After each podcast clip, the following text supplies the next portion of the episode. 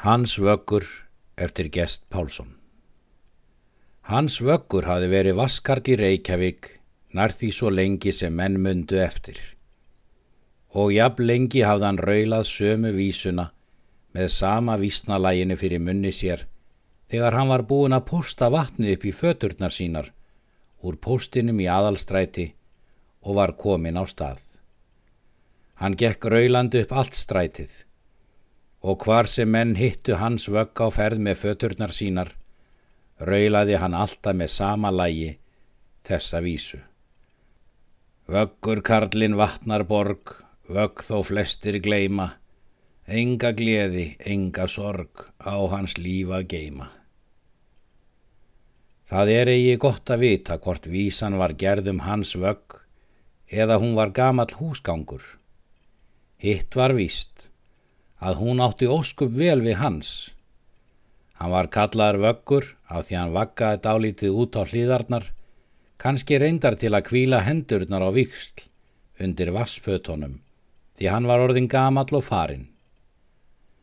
Hans hafði aldrei verið fríður sínum, jafnvel ekki í æsku sinni, og ekki fríkaði hann með aldrinum eins og að líkjendum lætur. Nú var hann komin yfir fymtugt, var langleitur og tóginleitur, óliðlegur í vexti og orðin lotin í herðum eins og flestir vaskarlar verða, af því að líta alltaf niður fyrir sig til þess að gá að hvort ekki hellist úr fötunum. Og með aldrinum var göngulag hans orðið hitt sama hvort hann hjælt á vassfötunum eða ekki.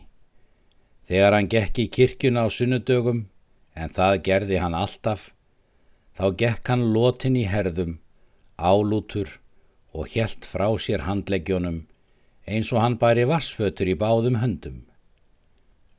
Hans hafði verið rauðhærður í æsku en nú var hárið orði grátt og af því hans var ekki vanur að greiða sér á hverjum degi þá hjekk hárið í hrokknum rauðgráum druslum niður á ennið og niður fyrir augu. Miklum skeggvexti hafði hans aldrei átt að fagna en það rækti hann ekki skegg sitt mjög. Vangaskegg hafði hann aldrei fengið en á hökunnu og efri vörinni hengu skegg toppar sem nú voru ornir kvítir. Hans var vanur að klippa dálítið af þeim þegar honum þóttu þeir vera ornir og langir. Hans gamli var einkennilegur að mörgu leiti. Hann átti aldrei ílt við nokkurt mann og lifði sáttur við allan heiminn. En þar með er líka allt sagt sem hægt var að segja um sambúð hans við mennina. Hann hafði aldrei átt nokkurt vin eða trúnaðar mann svo menn vissu og aldrei verið við ástir kendur. Eginlega tók engin lífandi maður eftir hans. Vinnukonurnar í húsum þeim sem hans bar vatt til skoðuðu hans eins og nokkur skonar lægri veru sem ekki væri orðum eigðandi við. Þær kostuðu til hans matarbita eftir skipun húsmóðurinnar. Hann tók við, þakkaði fyrir og borðaði þegjandi. Húsbændurnir borguðu honu vassburðin á vissum tímum. Svo var öllum hans viðskiptum við heiminn lokið að undan teknum hestum og götustrákum.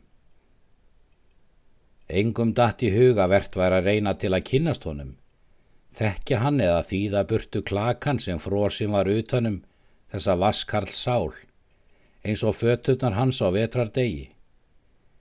Nei, það datt engum í hug, síst af öllum hans sjálfum. Vaninn var orðin eðli hans.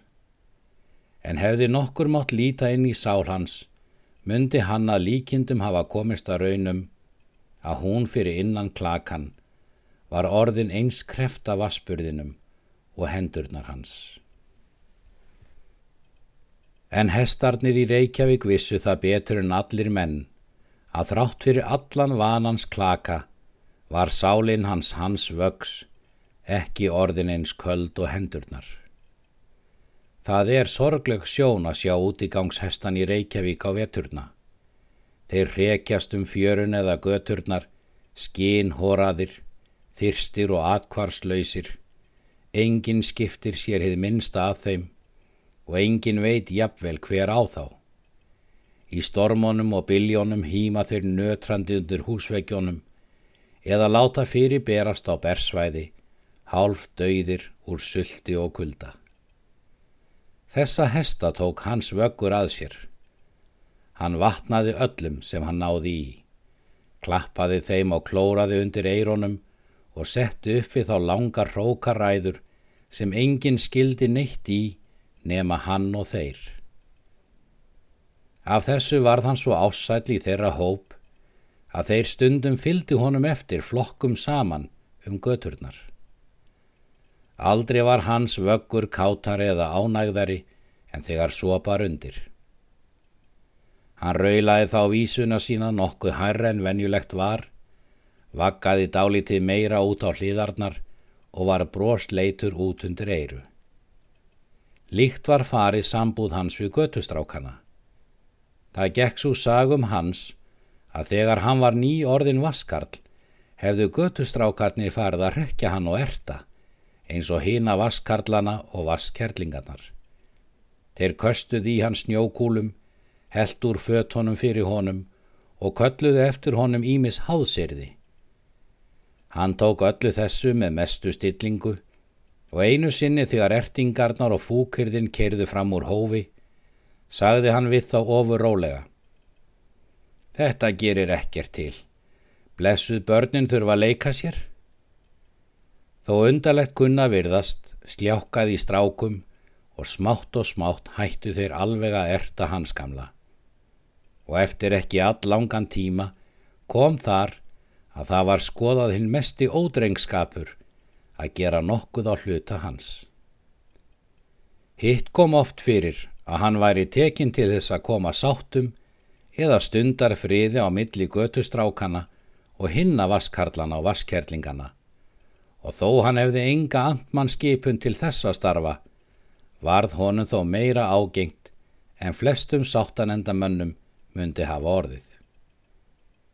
Svo bar það til einn góðan viðurdag eftir nýjárið að hans kom ekki með vatnið. Vinnukonurnar urða að sækja vatnið þann daginn þó þar væri ekki viljugar á það. Engum kom til hugar að fara heim til hans. Hann var vanur að skila sér aftur karlinn, undir eins og hann varð rólfær, þegar svo bar undir að hann dag og dag var lasinn og gat ekki gengt störfum sínum. Það datt kannski engum í hug að hans vöggur var í meðal þeirra sem fyrir heitið er gefið um. Sjúkur var ég og þér vitjuðu mín. Hans var undantekning. Það þurfti ekki að vitjum hans. Hann var vanur að skila sér. En þegar hann kom ekki í þrjá daga var næturvörðurinn sendur upp í kofan hjá seli sem hann svaf í einsamall. Næturvörðurinn kom aftur og sagði að hans væri dauður. Þessi fregn flögum allan bæin og það var ekki talað um annað en hans og dauða hans. Allir fundu honum eitthvað til hóls. Hann var einstök fyrirmynd allra vaskarla, diggur og yðjusamur og eftir því þakklátur fyrir allt sem honum var gott gert. Og alla ræður manna enduðu með því að það myndi verða langt þanga til annar eins vaskarl fengist. Konurnar í húsum þeim sem hans bar vatt til og meðal þeirra voru bæði frúr og mattumur, letu óljulampa loga í kofanu hjá hans meðan hann stóð uppi og einn frúin gaf salmabók til þess að leggja á brjóstið á honum. Þar lág hans á börónum í kofanu sínum og um allan kofan ljómaði slík byrta frá óljulampanum að hans myndi hafa vakna frá dauðum af undrun ef hann hefði mátt. Í lífinu hafði hann aldrei átt slíku ljósa fagna og á brjósti hans lág salmabókin loga gilda. Lífandi hefði engin látið hann snerta svo fallega bók. Nú var hans orðin hreitn og fín. Hann var dauður. Hans let ekki mikið eftir sig á þessa heimskæðum og það urðu mestu vandraði með útförina. Menn fóru að tala um samskott En úr því var þó ekkert, engin vildi byrja. Madama Sigriður sagði að það væri ætíð leiðilegt að byrja við slík tækifæri. Það var eins og menn vildu trana sér fram með góðverk sín. Hún fyrir sitt leiti sagðist helst vilja gera góðverk sín svo að hinn vinstri sæ ekki það sem hinn hægri gerði. Og vinkonur hennar sem hún talaði um þetta við sögðust hugsa alveg eins og hún í þessu efni. Svo átti þá að grafa hans á korsna sveitarinnar. Menn sögða að það væri líki raun og veru eðlilegast og þar við satt. En svo fundust peningar í kistli hans kartsins og þó þeir væri ekki stór fjö, þá voru þeir þó nægir til þess að gera útför hans heiðarlega og sómasamlega. Seitna trúði Madama Anna vinkonum sínum fyrir því að hún hefði haft peninga til útfararinnar til taks en hefði aðeins vilja láta þá komast í dáli til vandraði til þess og allt í einu að reka á þá stampin með peningunum. Hún bætti því við að til þess hefði aldrei komið fyrst peningarnir hefðu fundist hjá hans. En vinkonur hennar sögðu hver eftir aðra um leið og þær tæmdu þriðja kaffibotlan hjá henni, að það væri náttúrlega alveg það sama sem hún hefði gert það og henni gæti ekki betur fundið sjálfri en það væri nokkuð til í því. Madama Sigriður, sem var eina vinkonum hennar, sagði reyndar setna að það væri engin tilhafi í því að hún hefði ætlað fér til grefturinnar hans og af því Madama Anna frétti það daginn eftir að Madama Sigriður hafi sagt það, þá urðu þau ummæli orsök þess að þær drukka ekki kaffi hvort hjá annari í hálft annað ár. Svo var hans þá grafin á sinn eigin kostnað. Jarðaförin var fjölmenn, honum fylgdu nær því allar frúr og maddumur í húsonum sem hann hafði bori vatt til. Mörg kona viknaði, er hún myndist álúta Karlsins með bognu handleikina. Og það var ekki trútt um að tár rinn yfir moldum hans. Og þó svo tilfinning hjartans er vekur tárins í eigi ætið svo sterk að hún ná að reyfa hendurnar til fjárframlaga, þá eru þó tárin ávalt talin vottur viðkvæmnu og blíðu. Vottur þess að mennirnir séu raun að veru góðir, þrátt fyrir allt, sem skrifaði er og tala móti því. Þegar kom fram á vorið trúði frú Guðlaug einni vinkonu sinni fyrir því að hún ætlaði sér að leggja krans á leiði hans vöks, Vaskarlsins sín sáluga. Dægin eftir var það all talað um allan bæin að frú Guðlaug hefði lagt tvo krans á leiði hans vöks. Mönnum þótti það mjög sennilegt.